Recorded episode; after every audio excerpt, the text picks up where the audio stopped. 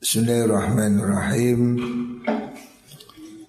Sadakunu alaikum a'immatun Yamlikuna arzaqakum Sadakunu bakal ono. Alaikum ingatasi siro kabeh.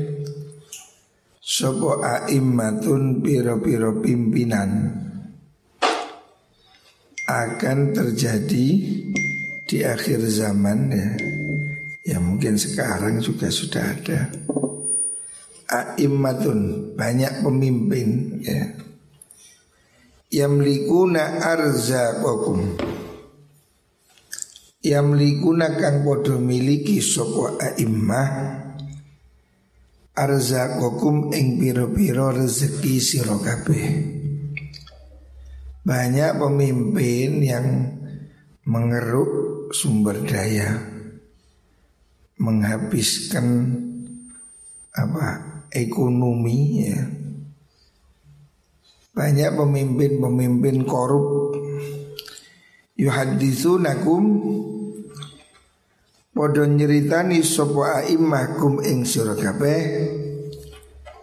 fayakdzibunakum mongko padha nggorohaken sapa aimmah kum ing sira akan banyak terjadi pemimpin-pemimpin pembohong. Ini ya sudah terjadi. Sudah digambarkan oleh Rasulullah Sallallahu Alaihi Wasallam akan terjadi banyak pemimpin koruptor, tukang ngentit, ya. dan mereka ini banyak pembohong, pencitraan. Ya banyak yang dibuat-buat tidak benar. Waya malu nalan podong lakoni sopo mengkuno mengkuno aimma Faya subuna mongko podo misui sopo aimma al amala ing penggawean. Maksudnya banyak orang yang bekerja tapi tidak tulus.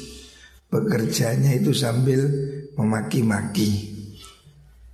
Artinya banyak orang yang pekerjaannya itu pura-pura. Mereka tidak sungguh-sungguh memakmurkan negerinya. Akan banyak tipe pemimpin pembohong Yang pura-pura bekerja tapi tidak bekerja. Layar launa orang ridho sebuah imah Mingkum sanging surakabe Hatta tuhsinu sehingga bagusaken siro Milang-milang bagus siro Kobihahum ing olone a'immah Mereka ini maunya dipuji-puji.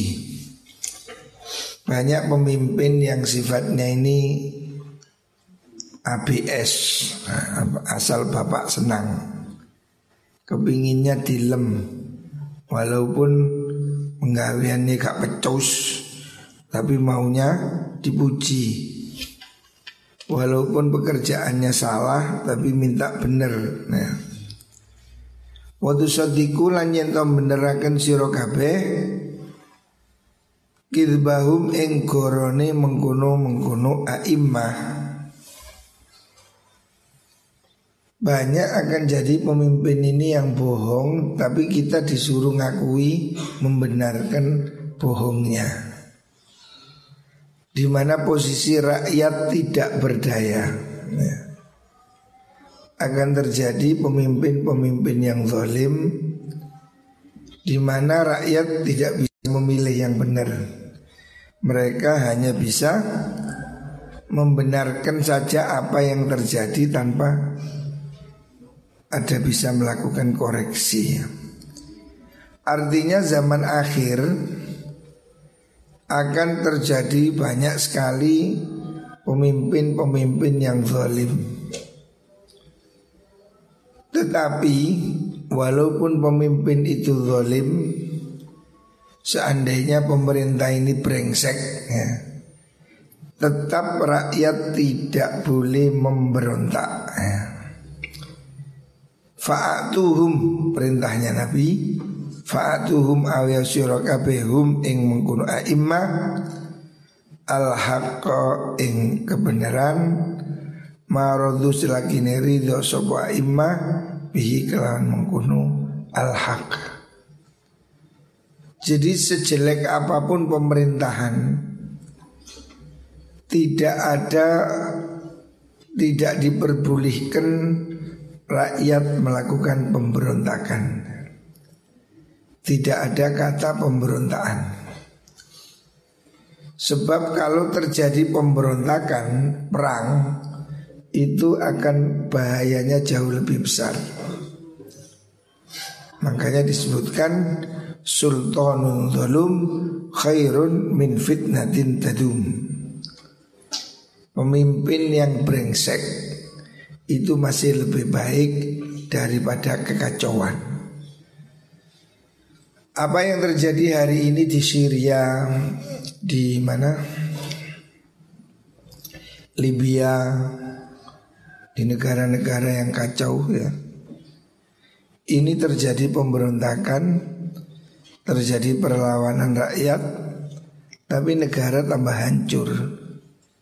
Baghdad hancur, Syria hancur, apalagi? Ya itu. Libya. Banyak negara-negara yang dikompori diadu domba rakyat supaya melakukan pembangkangan hasilnya malah mereka semakin menderita.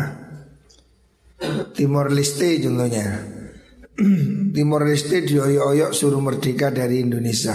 Hari ini mereka miskin. Jauh lebih enak ikut Indonesia. Sekarang Papua diudik-udik suruh merdeka. Ini pekerjaan musuh memang ya. Musuh-musuh ini berusaha memecah belah. Makanya Rasulullah Sallallahu Alaihi Wasallam melarang orang melawan pemerintah. Walaupun pemerintah itu jahat. Walaupun pemerintah itu diktator ya. ya biar mereka berdosa ya. Pemimpin-pemimpin jahat itu akan menanggung dosanya sendiri. Tapi rakyat masyarakat tidak boleh melawan pemerintah yang sah. Nah, kita ini tidak boleh. Senang tidak senang, suka tidak suka, pemerintahan yang sah harus didukung. Nah, walaupun kemarin ada apa istilahnya, cebong sama kamfret. Nah, setelah pemilih terpilih tidak boleh sudah. Kemarin orang boleh pemilihan beda-beda tapi ketika pemimpin sah terpilih Maka tidak boleh lagi ada perlawanan terhadap pemerintah Tidak boleh melawan pemerintah yang sah ya. Jadi orang harus tunduk pada pemerintah Ia lakukan perbaikan semampunya Amar ma'ruf nahi mungkar tetap ya Selama mereka masih mau diberi nasihat, beri nasihat. Kritik boleh. Bukan tidak boleh mengkritik pemerintah Boleh. Tapi dengan cara yang bagus. Tidak perlu bakar-bakar. Tidak perlu apa? Anarkis.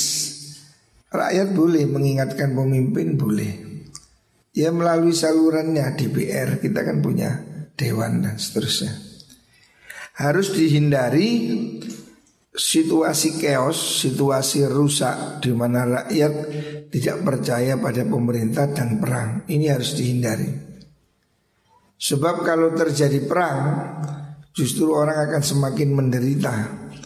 Tidak bisa kerja, tidak bisa sekolah, ibadah juga tidak bisa. Seperti di Baghdad kan, orang di masjid dibom, orang sekolah dibom, rumah sakit dibom, wah hancur sudah. Jadi perang apa pun harus dihindari. Kita harus menghindari perang. Kalau masih bisa dihindari. Kecuali jika pemerintah ini sudah betul-betul kafir ya, atau melarang agama, itu boleh dilawan. Umpamanya sholat dilarang, masjid ditutup, lah ini sudah sudah asasi ini boleh dilawan. Tapi kalau cuma dia korupsi, dia apa melakukan KKN itu sesuatu yang salah tapi tidak boleh diberontak. Eh. Intinya sebetulnya rakyat ini tidak boleh memberontak karena pemberontakan itu semakin membuat negara hancur. Sejelek apa pun pemerintah ini harus didukung. Ya kalau salah diingatkan. Ya, itu cara yang bagus. Faidah tajawazu nalikani podo ngliwati batas sopo mengkuno a'immah Faman mongkau tisapani wong iku kutila den pateni sopo man andalika sangking mengkuno i'ta'ul haq Fahuwa mongkau teman iku syahidun mati syahid Kalau pemimpin itu sudah brengsek ya betul-betul rusak Ya kita beri dia peringatan ya kita beri dia apa namanya uh, kritikan. Nah, kalau kita memang mengkritik dengan cara baik-baik masih dibunuh, yaitu mati syahid. Ya. Jadi menyampaikan kritik pada pemerintah ini wajiban, tapi dengan cara yang benar. Ya. Jangan dengan cara bakar-bakar atau anarkis. Tapi kritik itu perlu ya. Pemerintah harus ada kritik. Tetapi kritik harus disampaikan dengan cara yang baik. Tidak boleh dengan tujuan menggulingkan pemerintahan. Kalau kita memberi saran, memberi nasihat terus pemerintah masih zalim umpamanya ditangkap Ya tidak apa-apa itu mati syahid. Fahuwa syahid mati syahid. Orang menyampaikan kebenaran itu mati syahid. Tetapi harus diingat Tidak boleh melakukan pembangkangan pada pemerintahan. Ini tidak boleh. Arwahul Tabrani an Nabi Salah Selanjutnya kepala Rasulullah Sallallahu Alaihi Wasallam Syakhofatun iku kebodohan Syakhofah itu ketololan. Bil mar'i kelawan wong suci Ayas takdima Utawi yento gawe laten sopo almar'u Doifahu ing dayoe almar'u jadi termasuk kebodohan atau tidak benar, nggak bagus apabila seorang itu memperlakukan tamunya sebagai buruh. Dayo itu ngomong nih pak gini, gaya wedang dewi, nyapu nyapu dewi. Hendaknya kita diajari oleh Rasulullah SAW hormati tamu itu adab dari Islam ya. Sampai Nabi mengatakan mangkana yu'minu billahi wal yaumil akhir fal yukrim dhaifah. Memuliakan tamu ini sampai menjadi indikasi iman. Jadi kita ini punya tradisi mulia, tradisi Islam, hormati tamu. Dalam hadis yang lain Kanjeng Nabi menyuruh sugui tamu selama tiga hari. Jadi haknya tamu itu tiga hari. Nek tamu kok seminggu, yo ngekos itu. Tapi tamu itu maksimal tiga hari. Kalau tiga hari dia itu harus diberi jamuan, diberi suguhan, ya semampunya. pahalanya besar nyugui tamu itu besar. Makanya sampai kiai-kiai dahulu itu kalau bangun rumah niat membuat rumah tamu. Niat untuk menghormat tamu. Sebab menghormat tamu ini bagian dari sunnah. Hendaknya semua orang ini hargai tamunya. Jangan dipilih-pilih. Tamu naik mobil Disuguhi kopi Tamu sepeda pancal Banyu putih. Jangan milih-milih tamu. Siapa pun harus dihargai ya. Jangan memuliakan hanya orang kaya. Ini tradisi yang mulia. Makanya Rasulullah SAW mengatakan sahofah kebodohan. Kalau ada orang tidak menghormati tamu. Ngono dayo malah kongko nyapu. Wih, nyapu apa? Nggih wedang dhewe, adang dhewe. Oh. Iki jenenge tidak menghormati tamu. Tamu harus dihormat. Nah. Siapa orang didatangi tamu, sebetulnya itu didatangi rahmat. Tamu itu pulang membawa dosa-dosanya dia. Makanya sing ikhlas ya. Tapi tamune ya butuh tahu diri, ya cok suwe-suwe. Mendayo sakulan. Iki yo kontrak maksimal hak bertamu itu tiga hari. Selama tiga hari harus diberi makan. Ya mampunya apa? Terong ya terong, tempe ya tempe. Tapi menjamu tamu itu tradisi mulia. Islam punya tradisi hebat ini. Tidak ada yang melebihi ini. Kita ini disunahkan. Rasulullah Sallallahu Alaihi Wasallam memberi contoh bagaimana menghormati tamu. Jadi kalau ada tamu Nabi ini betul-betul perhatian. Sampai kalaupun Nabi tidak ada makanan dicarikan siapa yang punya makan ini ada tamu. Jadi dianjurkan tamu itu diberi makan. Lewat PT ya boleh no PT, hmm. boleh no sapi. Niat menghormat tamu. Itu tradisi yang bagus ya. Jangan sampai tidak memperhatikan tamu Dayo itu juarno jangan Sebisa-bisanya hormati tamumu ya Dengan apa kemampuanmu yang kamu bisa Ya kalau ada teh kasih teh Kalau ada kopi beri kopi Jangan dibiarkan tamunya kelangopan Kasih kayak wedang lola lolo Ojo teko-teko ya. Ketukok nolah Kalau kamu punya uang Ya belikan gedang goreng atau Tempe-tempe. Ini tradisi Sunnah Rasulullah Sallallahu Alaihi Wasallam. Rawahu Ad-Dailami Selanjutnya Nabi bersabda suratul masyi tudhibu baha al-mu'min. Suratul masyi utawi aki-aki ing dalem lumaku Iku tudhibu ngilangaken ngilangaken apa surah? Baha al mukmini ing wibawane wong mukmin. Yang dimaksud ya Rasulullah Shallallahu Alaihi Wasallam melarang orang ya tidak bagus berjalan yang terlalu cepat. Nah, tapi juga jangan terlalu lambat. Sebaiknya jalan itu ya apa? Sedengan lah. Ya jejak, jangan lari-lari. Orang kan tak khawatir kok melayu-layu apa. Nah, ya jalan tapi yang agak cepat tapi jangan jangan berlari. Jangan terlalu kendu. Melakukan ke layangan pedot ebleh ebleh kita oleh ganti duit.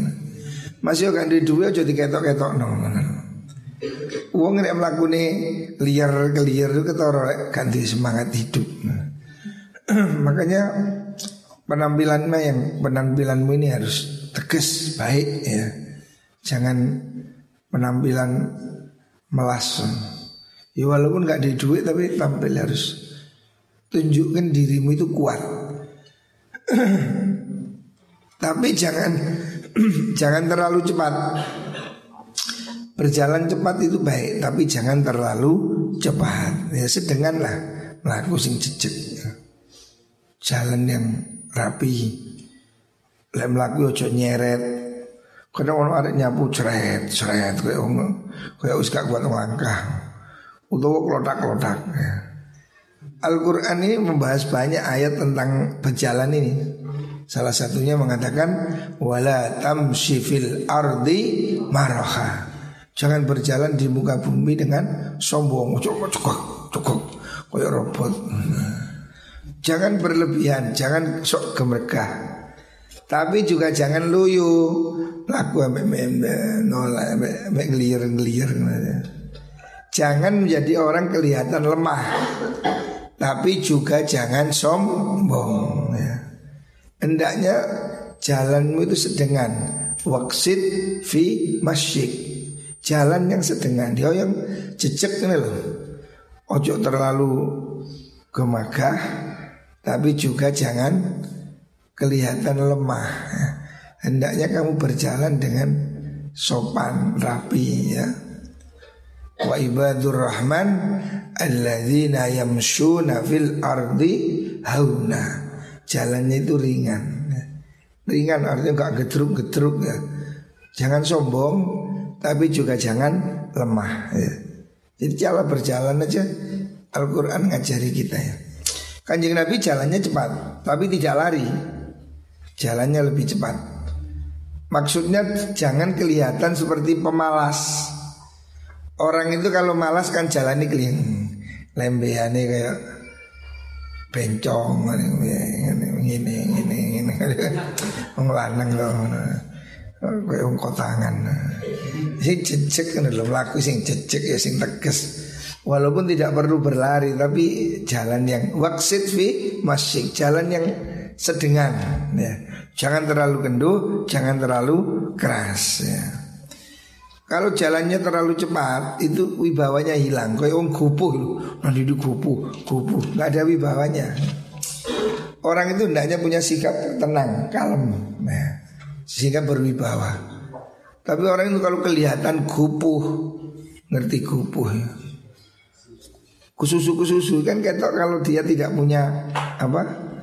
Tidak punya keseimbangan itu. Titik-titik gupuh. Jadi berusaha kamu tenang. Tenang jalannya ya.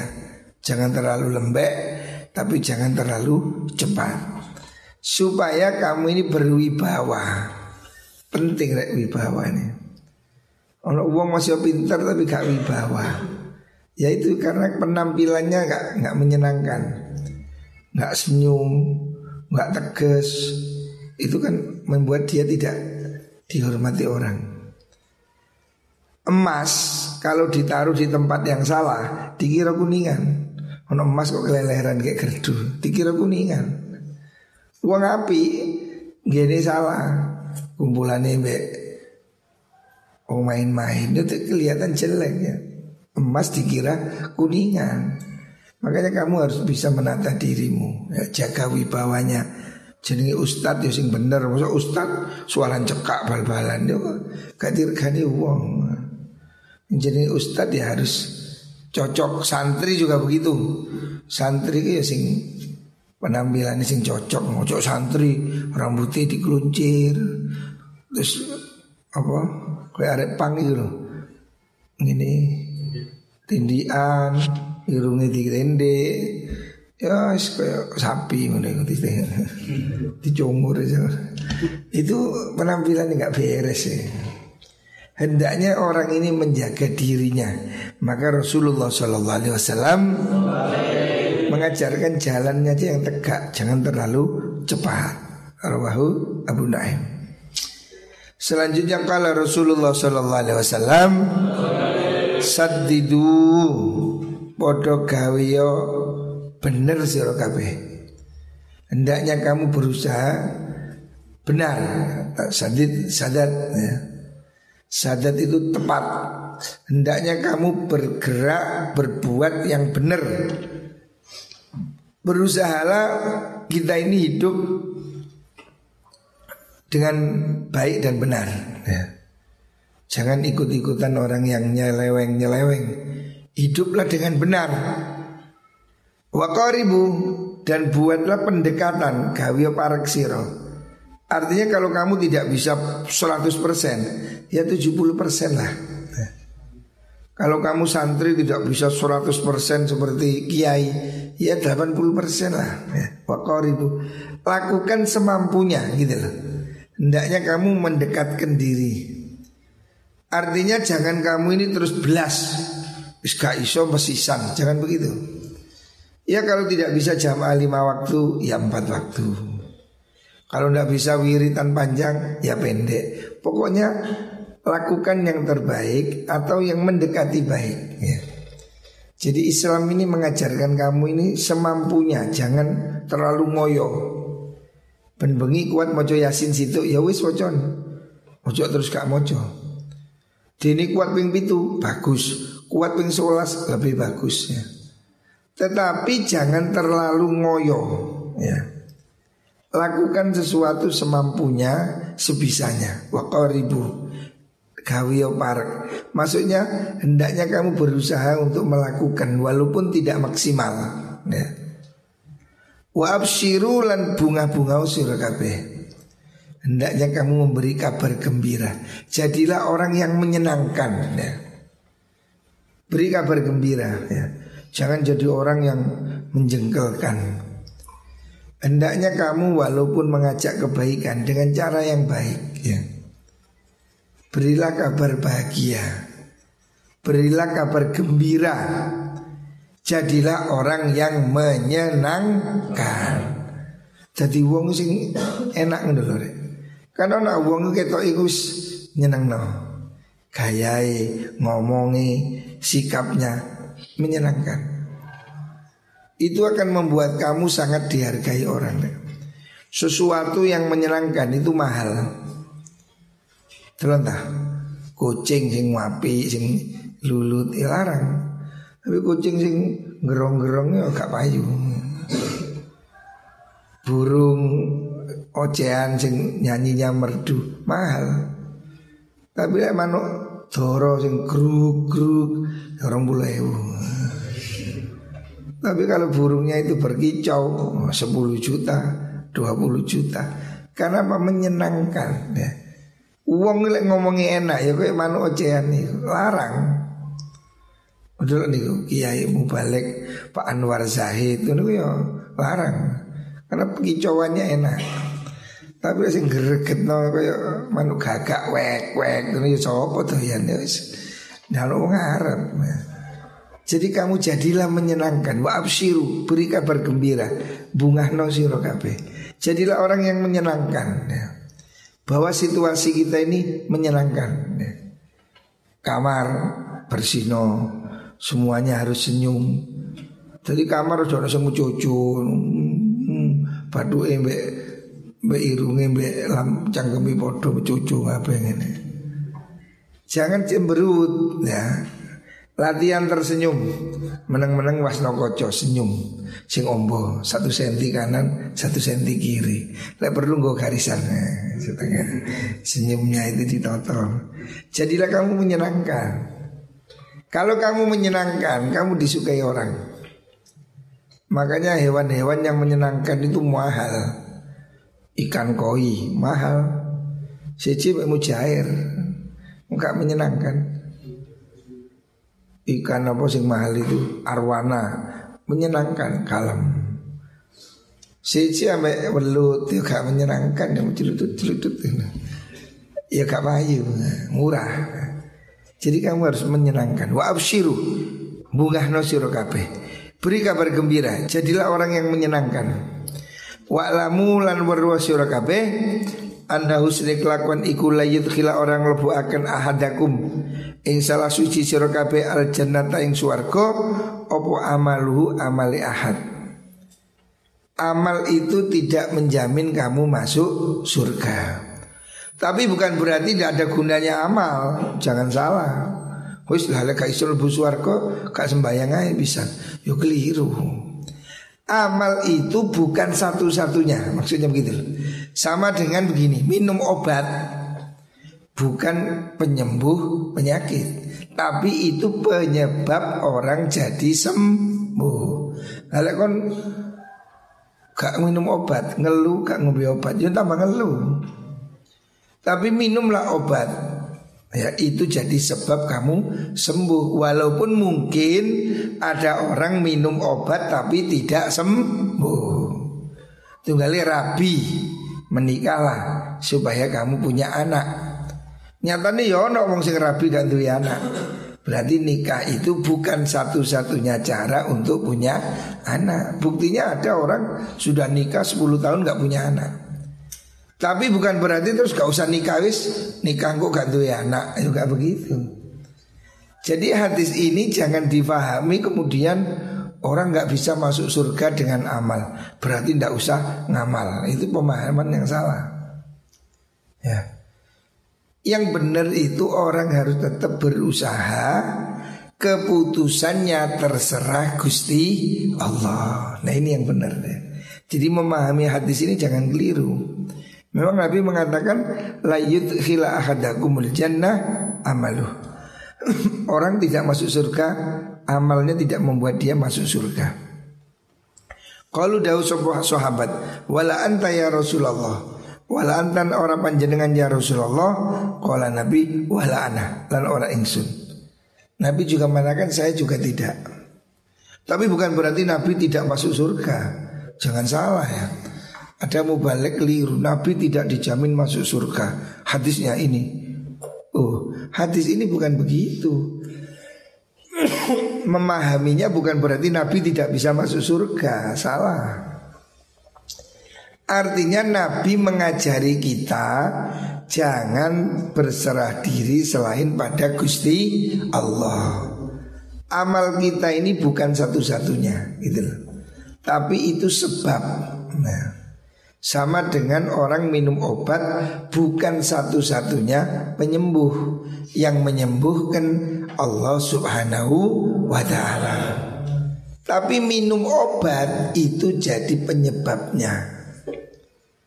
Amal baik, sholat, puasa, sodako, zakat Itu penyebab ya.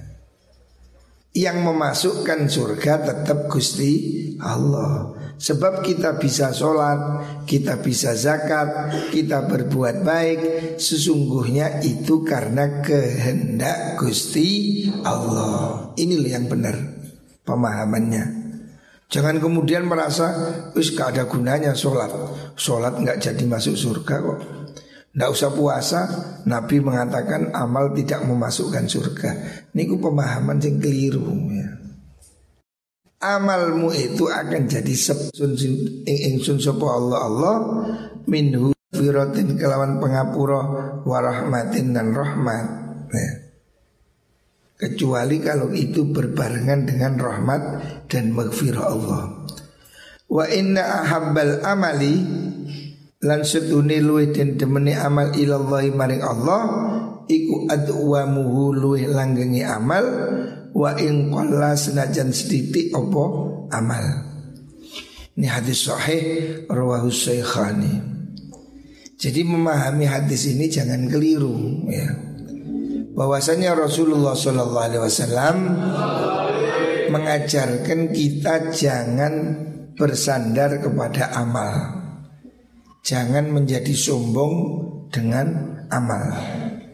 Tetapi hendaknya hidup ini sandarannya kepada Allah Subhanahu wa taala. Makanya meskipun sudah beramal baik jangan sombong. Sebab amal-amalan baik itu belum tentu diterima oleh Gusti Allah. Sebab amalan-amalan baik yang kita lakukan toh itu juga kehendak Gusti Allah. Maksud hadis ini untuk menolak paham Mu'tazilah. Orang Mu'tazilah itu meyakini Gusti Allah wajib masukkan surga. Orang baik wajib masuk surga menurut kaidah orang Mu'tazilah. Tetapi kita orang Islam ahlu sunnah wal jamaah menyatakan Allah tidak wajib bagi dia. Sebab Allah itu bebas Allah itu boleh melakukan apa saja. Jadi Allah itu tidak terikat oleh siapa pun. Allah tidak bisa dipaksa oleh siapa pun. Walaupun orang itu berbuat baik, tidak wajib masuk surga. Tetapi Gusti Allah itu juga tidak zolim Tidak mungkinlah orang baik dimasukkan ke neraka ya. Tapi tidak wajib bagi Allah, tidak wajib Tetapi juga tidak mungkin Allah berbuat zolim ya. Makanya Nabi mengatakan orang tidak masuk surga sebab amalnya Yang dimaksud amal itu bukan satu-satunya ya. Sama dengan orang menikah belum tentu punya anak. Ada yang menikah tapi tidak punya anak. Tetapi menikah itu sebab orang punya anak. Ya. Amal baik itu sebab orang masuk surga. Tetapi bukan satu-satunya cara masuk surga. Mungkin juga ada orang amalnya kurang baik tapi di diberi ampunan oleh Gusti Allah.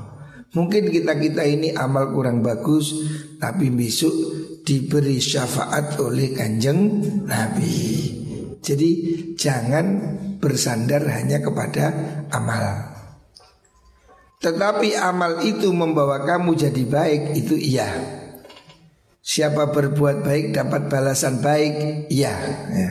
Itu tidak dinafikan yang dinafikan itu akidah Mu'tazilah bahwa orang baik wajib masuk surga. Nah ini kan berarti Allah terpaksa. Allah tidak boleh dipaksa.